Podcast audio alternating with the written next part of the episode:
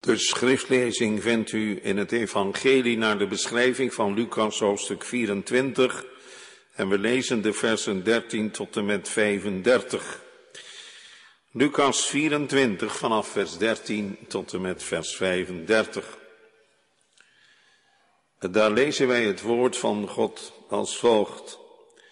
En zie, twee van hen gingen op dezelfde dag naar een vlek dat zestig stadien van Jeruzalem was welks naam was Emmaus, en ze spraken samen onder elkaar van al deze dingen die er gebeurd waren.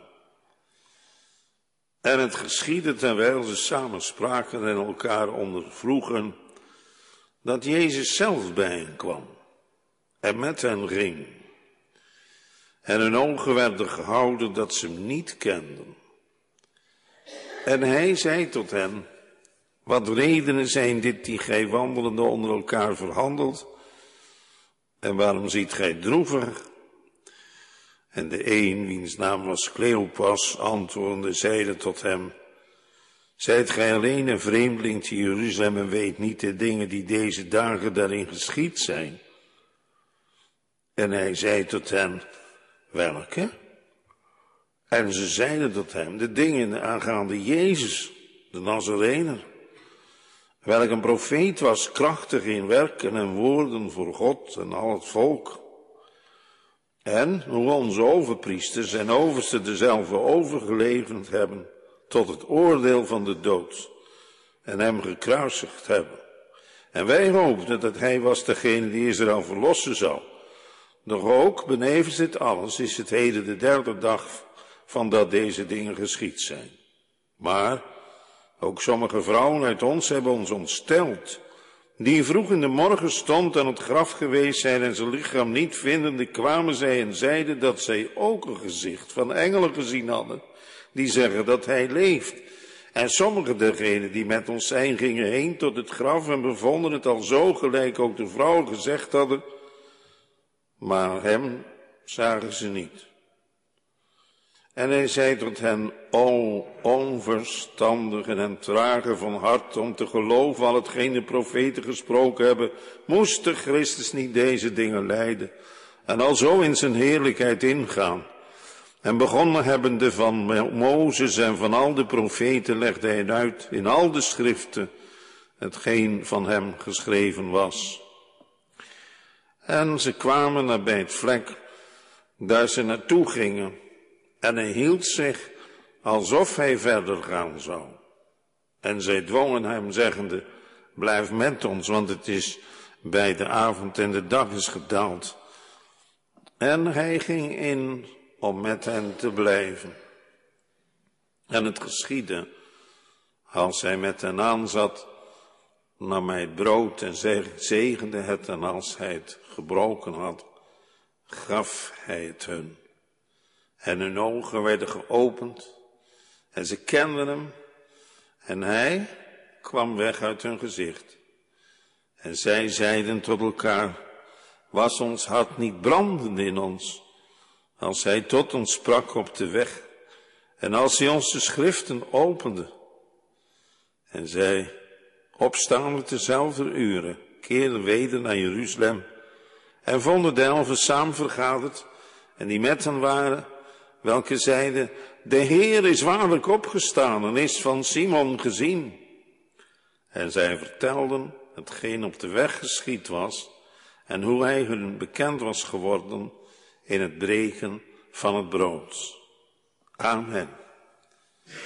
Hier eindigt de schriftlezing. Vanmorgen hopen we met Gods hulp te spreken over de ontmoeting tussen Jezus en de Emmausgangers.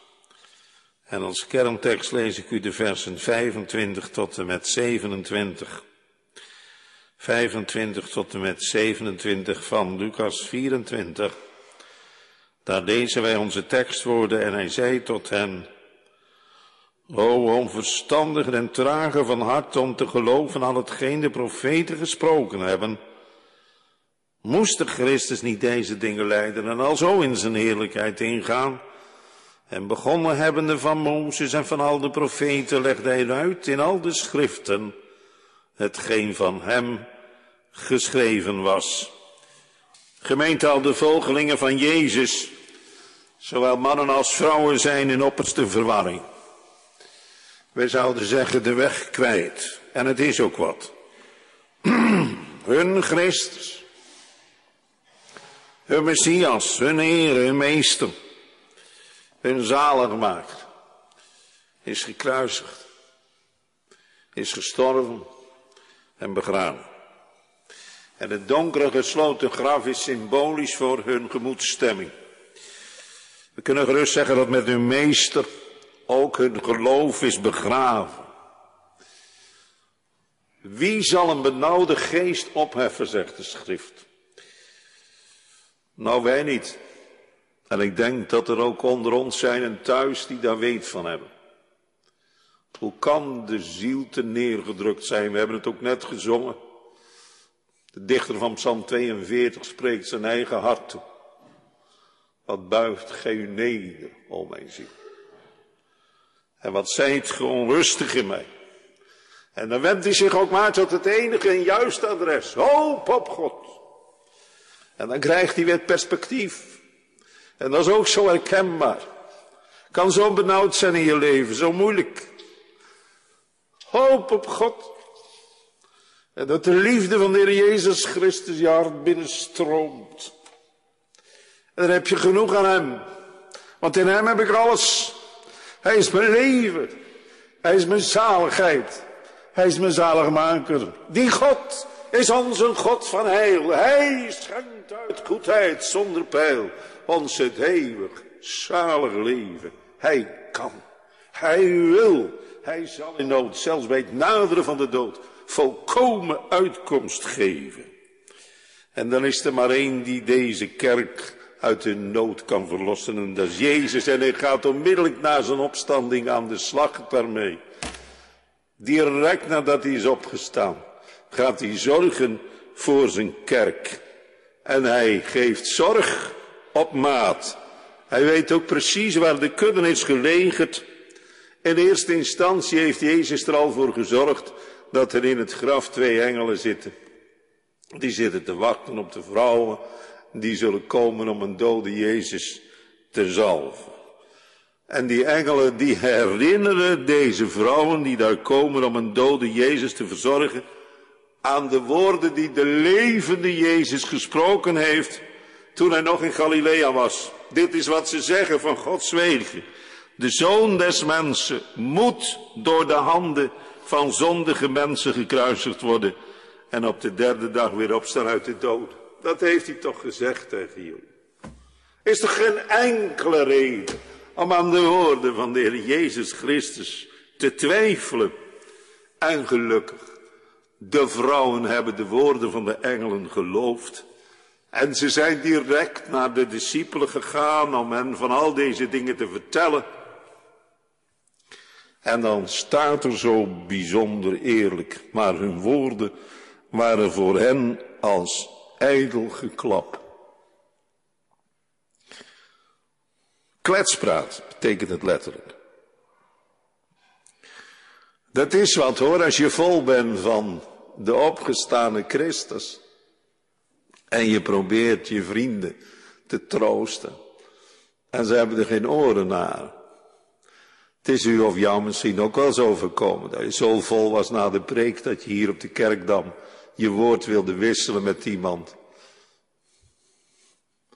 En je merkt, er is geen antenne voor. Dat is niet goed. Dat is niet goed voor je geestelijk leven. Hoe kan je dan teleurgesteld verder gaan? En dan lijkt het wel of dat wat je hier beleefd hebt ineens verdwenen is. Is maar weinig voor nodig. En dan lezen we ook van die bijzondere ontmoeting van Jezus met Maria Magdalena, een vrouw uit wie zeven duivelen waren uitgeworpen. En die is ook de Heere kwijt. En aan haar verschijnt hij apart. Ze loopt daar te huilen. Ze ziet wel iemand, want dat denkt ze de tuinman te zijn. En dan ineens gaat die tuinman praten. Maria. En dat is genoeg. Dat is genoeg. Ik heb u bij uw naam geroepen. Je bent van mij. En wat zegt zij? Ze valt aan zijn voeten. En ze wil hem vastgrijpen. Rabuni, zegt ze dan. Mijn meester. Het geloof is altijd eigenend van karakter, moet u maar op letten. Bij u mijn koning en mijn God verwacht, verwacht mijn ziel een heilrijk lot. Deze vrouw had die troost van Jezus zo hard nodig en hij wist het als geen ander en vandaar dat hij haar verschijnt. Maar hij geeft ze ook een opdracht mee. Jij moet mij niet aanraken, Maria, want het is niet de bedoeling dat ik hier blijf. Nee, ik heb wat anders voor je te doen. Ga heen naar mijn broeders en zeg ze, ik vaar op tot mijn vader en tot uw vader, tot mijn God en tot uw God. Wat een zorg, als je zo'n boodschap meekrijgt voor de discipelen van de Heer Jezus Christus. Nou, dan lezen we ook nog van Petrus en Johannes die samen naar het graf gaan. Eerst Johannes erin en vervolgens Petrus. Maar staat er dan, en hem zagen ze niet. En kennelijk is dat het enige wat tot dan toe is blijven hangen. Want nu gaan wij luisteren naar de ontmoeting tussen Jezus en de Emmausgangers. Ja, dat laatste. Daar zijn ze mee naar huis gegaan en hem zagen ze niet. En dan zijn ze onderweg naar Emmaus. 60 stadien verder, zo ongeveer 11 kilometer, dus ze hebben ruim twee uur te lopen. Twee van hen, zo lezen we in vers 13. En goed beschouwd hadden ze al blij kunnen zijn, maar dat is allemaal kennelijk toch aan hun ziel voorbij gegaan. En ook de woorden tevoren door Jezus gesproken over zijn lijden en sterven en opstanding zijn tegen dovermans oren gezegd geweest. Geen woord of psalmregel die is gaan leven bij dit alles voor hen. Net als al die anderen waar we het net over hadden, waren ze totaal ontgoocheld vanwege de dingen die er gebeurd zijn. En daar hebben ze het over. Ze spreken met elkaar, onder vragen staat er.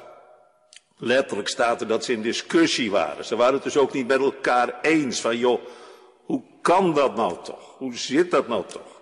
We hebben toch geloofd, hij was toch degene die Israël verlossen zou. Daar geloofden we vast in. En nou blijkt dat er helemaal niks van terecht is gekomen. En dan die gruwelijke kruisdood. Om nou zo van je meester en heren en je dachte Messias af te komen. En wat gebeurt er dan? Dan verschijnt Jezus. Alleen, ze weten het niet. Hij houdt zich voor hen onbekend. Jezus wil kennelijk horen wat er zo al leeft. Natuurlijk weet hij dat. Hij weet ook wat er in onze harten leeft. En toch vraagt hij aan u en aan jou en mij om al die dingen die ons bezwaren bij hem te brengen. En dat doen we ook in onze gebeden. Vanmorgen hebben wij ook gebeden voordat we naar de kerk gingen. En, en toen we uit bed kwamen en gingen eten.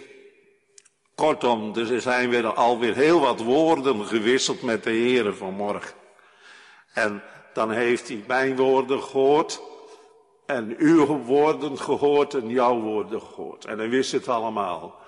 En toch, het is goed om dat te doen. Bid en u zal gegeven worden. Zoekt en gij zult vinden. Klopt en u zal worden opengedaan. Jezus voegt zich bij deze twee discipelen.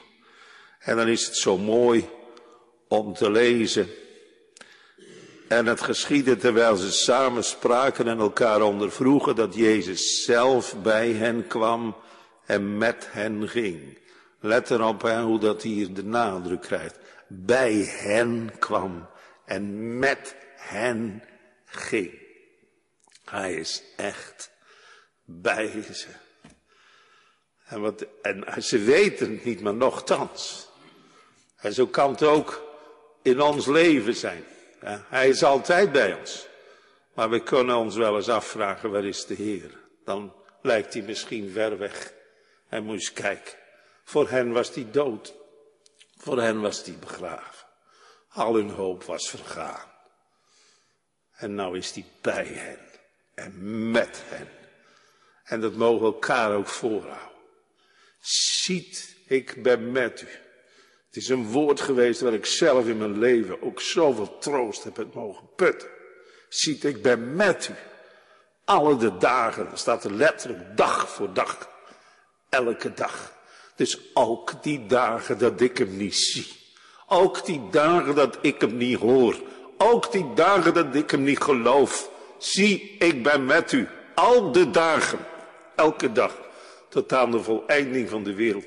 Dat betekent ook, want zou ik het zeggen en niet doen, spreken en niet bestendig maken. Dat wanneer wij dit woord van de Heer mogen geloven door Gods genade. Dat Hij bij ons is. En Hij is bij zijn kinderen naar zijn eigen belofte. Dat Hij er ook zal zijn als we gaan sterven. Dat is nou je enige troost.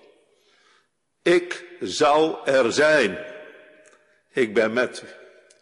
Ik zal je niet begeven. En ik zal je niet verlaten. Hij is hier bij deze mensen en ze weten het niet. Hun ogen worden gehouden dat ze niet kenden. En dan gaat hij met ze spreken.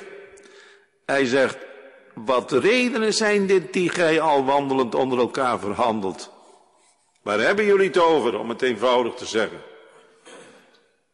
En, en, en waarom kijken jullie zo droevig?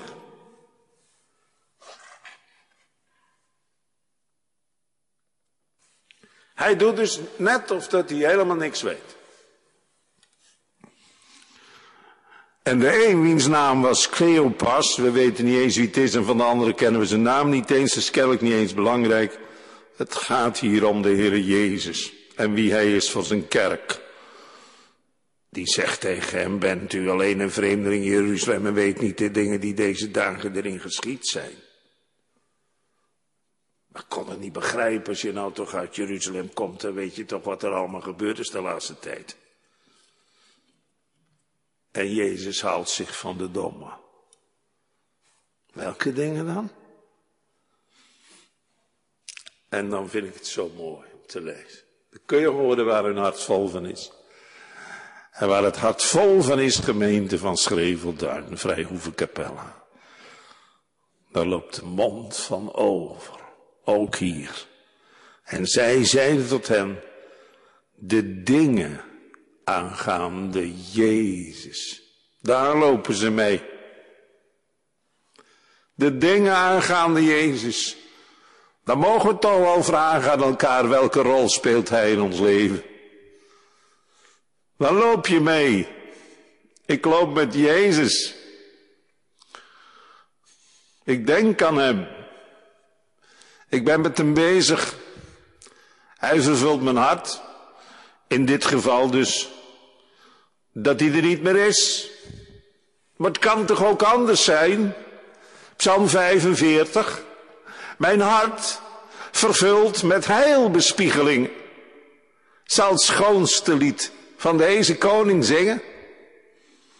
Dat zijn woorden aangaande Jezus. En hier gaat het over de dingen aangaande Jezus, de Nazarener, welk een profeet was.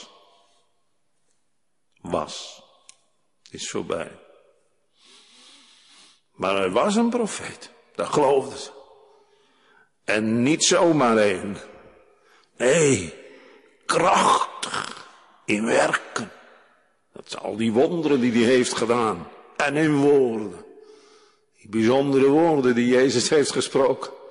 Dat zullen wij toch ook wel hebben als we de Bijbel lezen. Dat je zo vaak verbaasd staat om wat de Heer Jezus allemaal gezegd heeft hier in die driejarige tijd dat hij gepredikt en gewandeld heeft op deze aarde. En dan voor God en al het volk. De woorden die hij sprak waren in de allereerste plaats voor zijn God. Want hij heeft nooit iets anders gesproken dan dat de Vader hem te spreken gaf. Het is zelfs zo dat hij zegt, wie mij hoort, die hoort mij niet, maar die hoort degene die mij gezonden heeft. Hij sprak in de eerste plaats voor God. Maar dan ook voor al het volk. De boodschap van het evangelie van onze zaligmaker Jezus Christus is voor al het volk. Dat werd al bij zijn geboorte bekendgemaakt. Ziet, ik verkondig u grote blijdschap, die het hele volk zal wezen. Welke boodschap dan? Namelijk dat heden voor u geboren is de zaligmaker, welke is Christus de Heere in de stad van David. En nu is hij gestorven. En nu krijgen we te horen uit de mond van deze twee discipelen dat hij krachtig was in werken en woorden voor God en voor heel het volk. En nu is Jezus Christus, gisteren hele dezelfde tot in alle eeuwigheid. Hij is nog steeds machtig in werken en woorden voor God en voor heel het volk. Niemand uitgezonderd. Het evangelie is een boodschap die gepredikt moet worden zonder onderscheid des persoons. Dat betekent dat al de woorden voor u, voor jou en voor mij bestemd zijn. En zo willen ze ook ontvangen worden. En laat ze dan ook zo ontvangen worden door u en door jou en door mij. De woorden voor God voor wat ze waarlijk zijn. De woorden van God. Ik heb het zelf uit zijn mond gehoord. En wat geeft dat ons leven een totaal andere bestemming. Als ons leven niet meer op onszelf is gericht. Want dat is een leven zonder God. Draait altijd maar om onszelf. Wat vinden de mensen van mij? En kijk eens hoe ik eruit zie. En kijk eens wat ik allemaal kan. Als je het zo zegt, dan word je al ziek van jezelf. Nee, het gaat om wie hij is. En wat hij allemaal doet. En wat hij allemaal kan. Om zijn grote werken te verkondigen. De grote werken Gods worden op de Pinksterdag verkondigd door Petrus, de Magnalia Dei. Zo wil het woord gehoord worden. En hoe onze overpriesters en oversten dezelfde overgeleverd hebben tot een oordeel van de dood en hem gekruisigd hebben. Zijn allemaal woorden die Jezus al zelf heeft voorzegd dat ze gebeuren zou. En nu verhalen ze ze. En ze weten kennelijk niet meer dat Jezus ze zelf heeft gezegd. En dan komt het, hun deceptie, wat een teleurstelling. En wij hoopten dat hij was degene die Israël verlossen zou. Doch ook boven dit alles is het heden de derde dag dat deze dingen geschied zijn. Maar ook sommige vrouwen uit ons hebben ontsteld die vroeg in, in de morgenstond aan het graf geweest zijn. Dan verhalen ze dus wat die vrouwen verteld hebben. Maar u weet het nog, het was in hun oren als ijdel geklap. Ja, dan schiet je er niet veel mee op. En zijn lichaam niet vindende kwamen zij en zeiden dat ze ook een gezicht van engelen gezien hadden die zeggen dat hij leeft. En sommige van degenen die met ons zijn gingen heen tot het graf en we vonden het al zo gelijk ook de vrouwen gezegd hadden. Maar hem zagen ze niet. Nou ja, als je dit allemaal hoort, dan zeg je, oh, wat een ongeloof, nietwaar? Maar laten we nou eerlijk zijn, ze zijn niet alleen te veroordelen. En ik denk al dat u en jij en ik ook daar erg voorzichtig mee zullen zijn. Want hoe vaak is ons leven niet, als er al geloof zou zijn, want het is een wonder van de hemel. Geloof is een gave van God gewerkt door de Heilige Geest en de Geest is altijd maar weer bezig om dat woord in ons hart te leggen. Maar oh, hoe vaak hebben die vogels van de hemel het al niet weggepikt. Maar laat het dan vanmorgen niet gebeuren. Dat woord nou valt in een weltoebereide aarde, zodat het benedenwaarts wortelen zal schieten en opwaarts vruchten dragen van geloof en bekering. Maar waar zijn deze mensen om te benijden? Het is waar, ze zeggen zelf, we hoopten dat hij het was. Ze hebben geen hoop meer. En geloof hebben ze al helemaal niet meer. Maar wat is nou gebleven? De liefde. De liefde tot Jezus. En daarom waren ze zo verdrietig. Jezus leefde niet meer. Dat maakte een diepe droefheid uit. En dat is dan ook de vraag, hè? want u weet toch dat het geloof door de liefde werkzaam is. Nou, dat geloof moet dan gegeven worden en de Heer Jezus gaat dat ook geven aan ze zo dadelijk. Maar hier komt openbaar hoe het kan stormen in ons hart en in ons leven. En dan is het zo prachtig om te lezen dat de Bijbel dat niet verzwijgt. Waarom dan niet? Nou, er kan toch zo'n ziel in dan Kapelle zitten, nietwaar? Die top met deze dingen. Misschien op een andere wijze, maar het komt wel op hetzelfde neer. Geen hoop en geen geloof. En hoe nou die liefde tot Jezus gestalte krijgt in dat wat ze zeggen. En is dat dan ook bij ons zo? Oh, en zo niet dat dan die liefde door de Heilige Geest zal worden opgewekt, terwijl we deze dingen allemaal mogen horen. Want dit is toch het geweldige dat Jezus bij hen is en met ze is, terwijl ze het niet in de gaten hebben.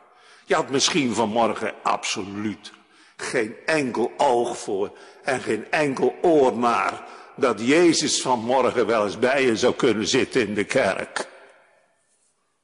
En dat hij nu tot je spreekt. En dat je het nog niet eens door hebt.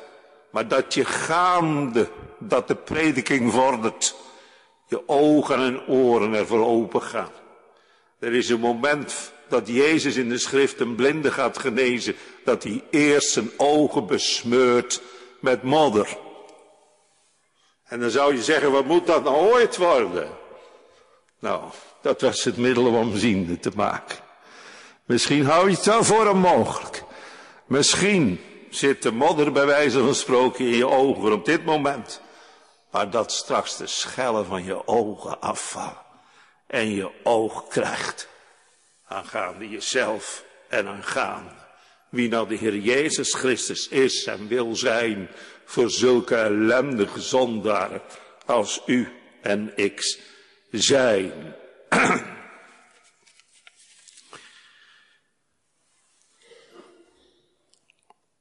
En dan, dan is het genoeg geweest voor Jezus. Ja, wat zal Jezus nou gaan zeggen? Ja, misschien wel, ach, lieve broeders, ik kan zo goed begrijpen dat jullie zo denken. Ja, als je ziet dat iemand gekruisigd is en begraven is zelfs en, en al drie dagen in het hart van de aarde is begraven. Ja, dat je dan zo gesteld bent zoals je nu gesteld bent. Alle begrip hoor. Alle begrip hoor. Nee. U zult in de schrift nooit een legitimering vinden voor het ongeloof. Onbestaanbaar. Jezus gaat het ongeloof bestraffen in niet mis te verstaande woorden. Dit is wat Jezus zegt. O, onverstandigen en tragen van hart om te geloven al hetgeen de profeten gesproken hebben. Wat moet dit woord hard aangekomen zijn? Onverstandig. Om niet te geloven. Dus niet geloven, dat, dat is onverstand. En dan staat er in het Grieks een woord dat heel sterk is. Het is hier eigenlijk nog netjes uitgedrukt. In Galaten uh, eh, 3 staat in het Grieks hetzelfde woord, maar dan is het vertaald met uitzinnig. U kent die tekst misschien wel. O gij uitzinnige gelaten. Wie heeft u betoverd? Dat je met de geest begonnen bent en nou met het vlees eindigt. Nou, dat is hier aan de orde. Ze zijn vol ongeloof en daarom vol onverstand.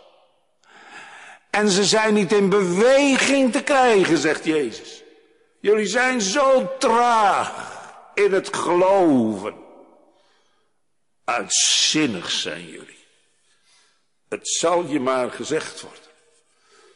Opmerkelijk hè, dat Jezus al die bittere ervaringen die deze mensen achter de rug hebben, want dat is het geweest, omdat ze niet geloofd hebben, hebben ze dat alles als bitter ervaren. Zijn ze de meest ellendige mannen geworden die je maar denken kunt. Moet je bedenken, kruisiging, dood, begraven.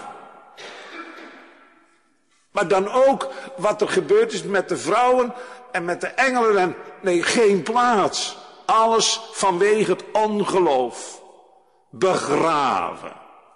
Begraven. Om te geloven.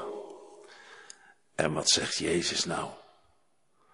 Om niet te geloven alles wat door de profeten gesproken is. Als het gaat over moest de Christus niet al zo lijden en in zijn heerlijkheid ingaan. Daarom gaat Jezus hen de schriften uitleggen. Kijk maar wat er staat. En begonnen hebbende van Mozes en van al de profeten legde hij hun uit in al de schriften hetgeen van hem geschreven was. Geen goed woord over hebben voor het ongeloof. Luther die spreekt over het vervloekte ongeloof. Hij laat ons gewaarschuwd zijn. In onze kringen hebben we nogal eens de neiging om dat ongeloof goed te praten. En soms geven we er nog een vrome draai aan ook. Ja, maar dominee, een mens kan niet zomaar geloven hoor. Tegenwoordig grijpen ze het allemaal maar. Nou, in onze gezin, althans waar ik dan kom. Ik wou wat meer over het geloof horen. Wat is het heerlijk als je elkaar vindt. Je hoort het zo hoor, waar iemand gelegen is. En dan hoeft het geen ingewikkeld verhaal te zijn, helemaal niet. Maar het hart geeft uit wat het in heeft. En dan mag je elkaar heel goed verstaan, dan vloeien de harten ras in één. En dan mag je die eenheid gevoelen in de doorleving van de dingen die God in je ziel heeft gedaan. Ik moet denken aan Psalm 66. Komt luister toe Gij Godgezinde, gij die de Heere van harte vreest, hoort wat mijn God deed ondervinden, wat hij gedaan heeft aan mijn geest. Dat strikt persoonlijke mag je dan delen met een ander. En die mag daar ook van spreken. Prachtig hè, als je elkaar dan kan aanvullen ook nog eens in de dingen aangaande de kennis van onze dierbare Heere en zaligmaker, Jezus Christus. En nou gaat de Heer Jezus de schriften uitleggen. Kijk, zij hebben alleen maar een Messias verwacht die het koninkrijk hier op aarde zou vestigen. En waarvan zij deel zou uitmaken, misschien wel op een bijzondere positie. Ik weet niet wat ze daar allemaal van geloofd hebben, maar in ieder geval hebben ze niet geloofd dat de Christus moest lijden en al zo in zijn heerlijkheid ingaan. Dat was vreemd voor hen. Dat paste niet in hun beeld van de verlossing die hen voor ogen stond. En nu gaat Jezus de schrift openen, dat wil zeggen het Oude Testament. Ze hadden natuurlijk geen Nieuw Testament, dat moest nog geschreven worden. Maar de boeken van Mozes, staat hier, van Mozes. En de profeten en de psalmen. En wij, Ja, wij lezen natuurlijk het Oude Testament door de bril van het Nieuwe Testament. Wij hebben mogen zien hoe de, hoe de schriften vervuld zijn geworden. Dat wordt ook steeds door de evangelisten gezegd, door Johannes of door Matthäus. Al zo is de schrift vervuld geworden die zegt enzovoort enzovoort. En zo krijgen wij dat onderwijs. Maar dit doet nou Jezus. Jezus geeft dat onderwijs wat wij vanuit het Nieuwe Testament ontvangen. Zo moest de Christus lijden. Ja, dan, dan kan je bijvoorbeeld al beginnen bij, bij, bij, bij Genesis 3, vers 15. Om maar wat van Mozes te noemen. En, en, en, en, en Jesaja 53 natuurlijk, een heel bijzonder hoofdstuk. Aangaande de leidende knechten seren. En wat denk je van de psalmen? Psalm 22, letterlijk de woorden die God heeft, uh, Jezus heeft uitgeroepen. Mijn God, mijn God, waarom hebt gij mij verlaten? Kortom, al dat onderwijs krijgen ze. Twee uur hoor. Onze kerkdienst duurt maximaal anderhalf uur. Maar twee uur hebben ze het onderwijs van Jezus gekregen. Hij legde hun uit in al de schriften wat van hem geschreven was. Dus zij hadden het over Jezus. En Jezus heeft het over Jezus. Wat van hem geschreven was. Oh, dan mag hij alles wat van hem geschreven is, dan gaan ze een bitter lijden en sterven aan deze broeders meedelen. En wat heeft hij dat van harte gedaan? Kun je begrijpen, zeg. En dan ineens komen ze nabij een vlek staat er waar ze naartoe gingen. Dus ze zijn thuisgekomen.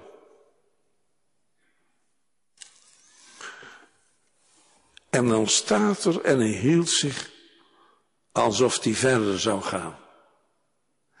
Heeft hij zich eerst niet bekend gemaakt? Was hij voor hen de grote onbekende? En heeft hij dit alles uit de schriften aan onderwijs aan ze meegegeven?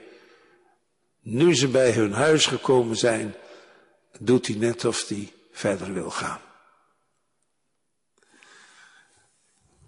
En dan dit.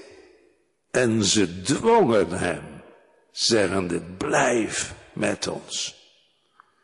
Weet u nog hoe het begonnen is? We hebben daar het nodige van gezegd. Jezus zelf kwam bij hen en ging met hen. En het heeft hij gedaan. Bijna twee uur, zeg maar. En nu is het voorbij. Het onderwijs is gegeven. Ze weten nu wat de Christus lijden moest en al zo in zijn heerlijkheid ingaan. En nu doet hij net of hij weggaat en dan is dit het antwoord. Blijf bij met ons. Ze dwongen hem. Mooi. Ze hebben het zo fijn gevonden om met Jezus te zijn. Ze zullen ook straks zeggen, waren onze harten niet brandender in ons toen hij de schriften voor ons opende? Ze hebben het gevoeld wat het betekent om dat onderwijs te ontvangen vanuit de oud-testamentische geschriften. Mochten ze horen dat de Christus moest lijden en al zo in zijn heerlijkheid ingaan. Dat heeft hun harten in vuur en vlam gezet. Dat betekent dat er geloof geboren is in hun harten voor dat wat door Jezus is gezegd. En dat bedoelde ik zojuist, dat kan toch zich nu ook voltrekken in onze harten, hier in de kerk. Daar is toch de prediking op gericht. Kunt u nou zeggen dat ik heel de morgen bezig geweest ben om Jezus uit je hart vandaan te houden? Zou je dat durven zeggen? Zo zijn we dan gezanten van Christus wegen, alsof God door ons heen bidt. Laat je met God verzoenen. Dat is de boodschap die je hoort vanmorgen. God smeekt om je hart mijn zoon, mijn dochter, geef mij je hart. En dan moet je eens kijken hoe hij dat doet. Door de schriften te openen. Zo gaat het in de kerk toe. Doordat de schriften open gaan, krijgt Christus een plaats in je hart. Gaat je hart voor hem open. Hij bereidt zelf de weg en hij rijdt voorspoedig op het woord van zijn waarheid. Ze dwingen hem.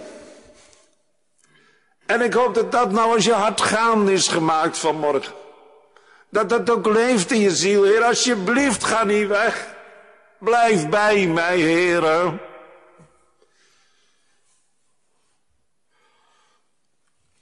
En ze dwongen hem, zeggende, blijf met ons. En dan hebben ze nog een argument. Want het is bij de avond en de dag is gedaald. Ze proberen dus aan de hand van dat de avond is gevallen bij hen te houden. Dan denken ze, blijft hij de hele nacht bij ons. Weet u het nog? Zacchaeus, die in die boom zat.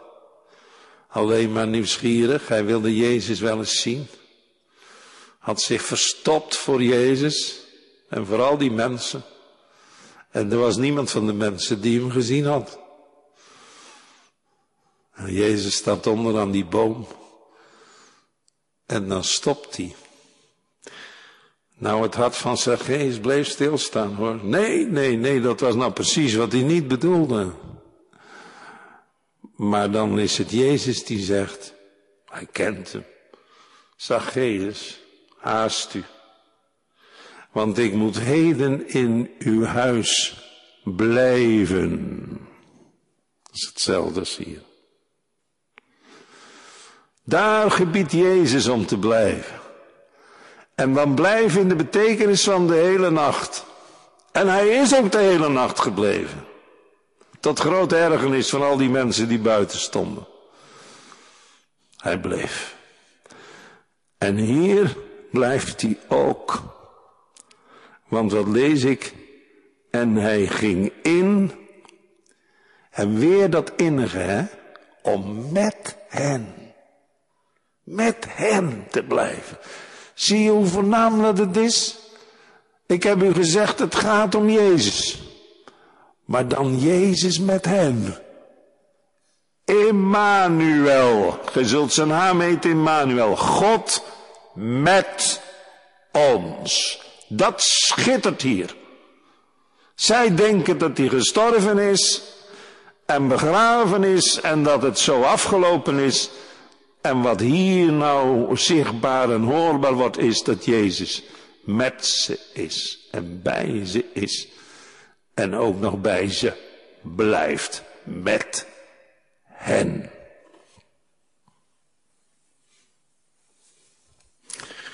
Geweldig. En ja, dan komen ze thuis en dan wordt er natuurlijk een maaltijd aangericht. Dat is de Oosterse gastvrijheid. Dat kan niet missen gemeenschap wordt geoefend aan de tafel. En dan liggen ze aan, er staat hier aan zitten, maar dat is aan liggen in de Oosterse bedeling met de hoofden naar elkaar toe. En dan kennelijk hebben ze hem gevraagd of hij de gastheer wilde zijn. dat gebeurt wel meer als je als predikant ergens bent en, je geniet de maaltijd. Dat er gevraagd wordt, dominee, wil u een gebed doen? Of wilt u danken? Dus dat is niet zo vreemd. En dan neemt hij het brood. En dan staat er, hij zegent het en als hij het gebroken had, gaf hij het. Dat herinnert ons aan twee dingen. In de eerste plaats aan de spijziging van de vijfduizend, daar lezen we precies hetzelfde. Dat brood zang, zegent hij ook. En dan laat hij het zijn discipelen uitdelen. En dat is nou precies wat de Heer ook doet. In de verkondiging van het evangelie. Dit is het woord, het brood des levens, dat door hem gezegend is. Met de kracht van zijn bloed. En daar mag ik een uitdeler van zijn. Een uitdeler van de menige lijgenade gods. aan al het volk.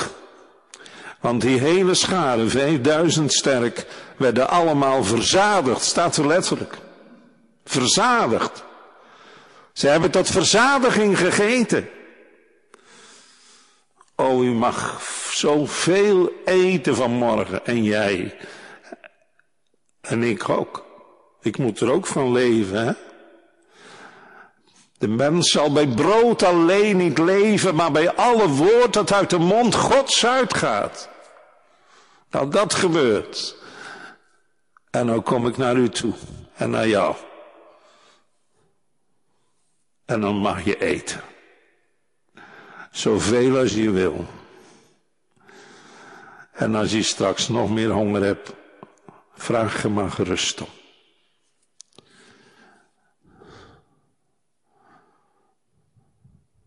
Om verzadigd te worden met hemzelf. Ik ben het brood des levens dat uit de hemel is neergedaald. Uw vaderen hebben het manna gegeten in de woestijn en zij zijn gestorven. Maar wie van dit brood eet, zal leven tot in eeuwigheid. Hij breekt het en hij geeft het hun. En dan gebeurt er iets. U weet het dat de ogen eerst zo werden gehouden dat ze hem niet kenden. Daar is het mee begonnen. En nu staat er hen, hun ogen werden geopend en ze kenden hem. Ineens zag. Wat een wonder, hè? Dat moet wat geweest zijn. Heb je twee uur gewandeld met hem? Je hebt dat heerlijke onderwijs van hem gekregen. Je zit met hem aan tafel. Je eet met hem. En als hij het brood breekt, dan wordt hij bekend. Mag ik nou eens vragen? Wanneer kreeg je nou echt oog voor de Heer Jezus in je leven? Vind het erg dat ik het vraag?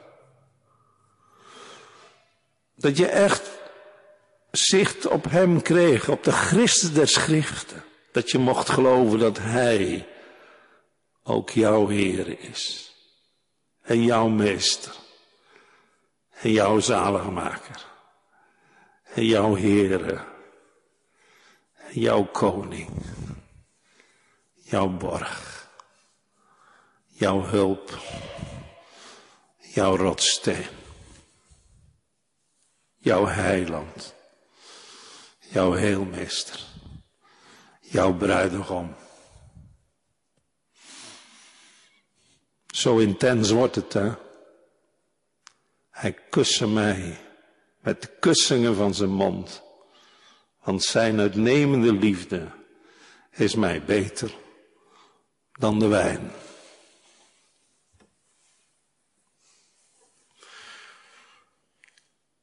En dan is hij weg. Ja.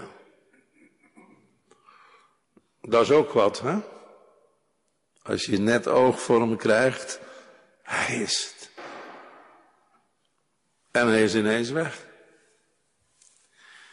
U weet het net als Maria Magdalena, die wou hem bij zijn voeten vasthouden. Dat ging ook niet gebeuren. Nee, ze moesten leren dat hij weg zou gaan.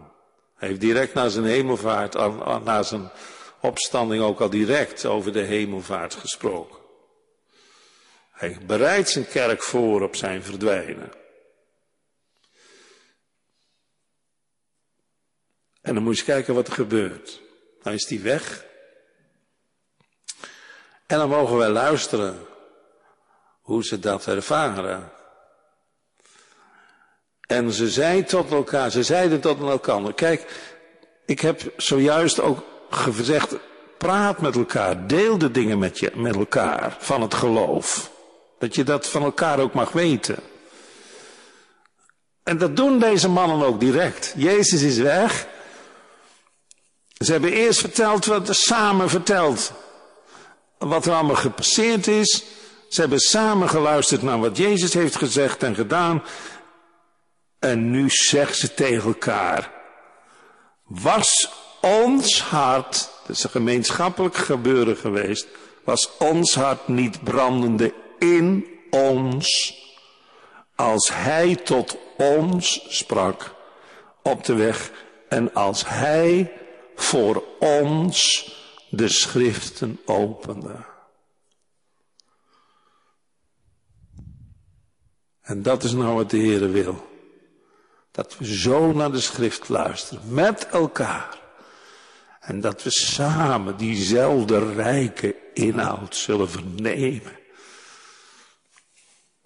En dan kan die uit het gezicht verdwijnen, bij wijze van spreken. Ik weet het ook wel, hè, dat je hier zit en dat je moet zeggen, het is mij goed mijn zaligst lot nabij te wezen bij mijn God. Dat kan onder de prediking zijn, dat kan onder de bediening van de sacramenten zijn. Dat hij bij wijze van spreken voelbaar aanwezig is. Dat hij naast je zit. Dat hij je hand vastneemt. Enzovoort, enzovoort. Maar je weet ook dat dat momenten zijn die dan weer over zijn. Maar daarmee is hij niet weg. Dan is de beleving van de dingen zo sterk niet meer. Dat is het. Maar dan mogen we dat als een gouden kleinoot bewaren in ons hart dat de Heere zo nabij is en was. En kijk eens wat ze zeggen. De harten brandend hè, bij de opening van de schriften, want daar gebeurt het mee. Dat wil ik toch nog even onderstrepen. Niet al die bijzondere gebeurtenissen, nee, het openen van de schriften. De opening van uw woorden zal gewis gelijk een licht donker opdoen klaren. En zij, en nou worden ze een beetje uh, bekend. Ze hebben aan Jezus gezegd, blijf bij ons, want de avond is al gevallen. Maar dat is kennelijk niet het hoofdmotief geweest. Want wat gaan ze nou doen? Tezelfde uren dat Jezus verdwijnt, staan zij op en gaan ze terug naar Jeruzalem. Twee uur lopen door de donker heen. En dan niet over mooie wegen die wij kennen met verlichting en zo. Nee, moeilijk begaanbare wegen met een olielampje erbij. Maar niks houdt ze tegen. Want wat willen ze? Ze willen naar die broeders in Jeruzalem. Ze weten hoe die mannen daar met de pakken neerzitten. Net zo bedroefd zijn als zij toen ze op weg gingen naar Emmaus. Ze konden toch geen goed meer denken over wat er gebeurd was. Verschrikkelijk, verschrikkelijk, verschrikkelijk. En ze hebben hun hart mogen luchten tot die vreemdeling. En dat bleek dan hun Heere en hun Meester en hun Messias Jezus te zijn. Dat moeten ze weten. Ze zijn niet te houden. En zij opstaande tezelfde uur keren terug naar Jeruzalem. En vonden de elfen samen vergaderd waren. En die met hen waren. Dus er waren er meer al inmiddels daarbij gekomen. En dan het wonder. Zij komen binnen. En ze dachten natuurlijk direct van wal te kunnen steken. En ze komen binnen. Maar die mensen die daar binnen zitten, die zijn allemaal vol van de Heer Jezus. Welke zeide, de Heere is waarlijk opgestaan. Geen twijfel aan. Hij is van Simon gezien. Daar is geloof. En waar geloof is, is liefde. En waar liefde is, is hoop. En zo worden die mannen ontvangen. Zij dachten natuurlijk, die mannen weten van niks. En daarom, ze zien ze. Heer is op. Dat is nou precies waar ze mee binnenkomen. Heerlijk als je zo binnen mag komen. Ik herinner mij dat een hele goede bekende van me, waarvan de man heel slecht lag, ernstig ziek, mij belde, zei dominee, Als u mijn man nog levend wil ontmoeten, dan moet u nu komen, want hij gaat sterven. En toen ben ik direct aan hem toegegaan. En ik belde aan en de deur werd open gedaan. En weet je wat ik hoorde zingen? Um, Psalm 89. Het eerste vers, nou ontschiet me dat even. Uh, ik zal eeuwig zingen. Van Gods goedertieren heen. Dan moet je binnenkomen bij een stervende. En dan stond ze om bed heen. En hij lag op zijn bed met zijn handen omhoog. Ik zal eeuwig zingen van Gods goede tieren heen. Uw waarheid ten allen tijd vermelden door mijn reen. Ja. Nou, zo stel ik me dat nog voor. Als je daar binnenkomt, de Heer is waarlijk opgestaan. En is van Simon gezien. En dan zijn ze uitgesproken. En zij vertelde hetgeen op de weg geschied was. En hoe hij hun bekend was geworden in het breken van het brood. Hebben ze die littekens gezien? We weten het niet, dat wordt er niet bij gezegd. Maar in ieder geval, hij werd hun bekend en daar ging het om. En nou wil ik vragen, is die je bekend geworden vanmorgen? Dan heb je wel wat te vertellen. Ja. En u die de Heer Jezus hebt leren kennen. En je hoort dan weer zo goed van hem spreken. Dan mag je toch van hem genieten.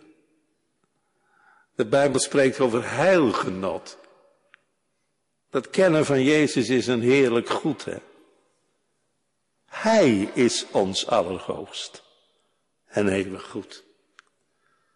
En hij is onze leidsman. En hij zal ons leren hoe we wandelen moeten. O, als we zo de Heer Jezus Christus hebben leren kennen, dan is het niet gek dat wij gaan zingen. Geef dan eeuwig eer, onze God en Heer. Amen.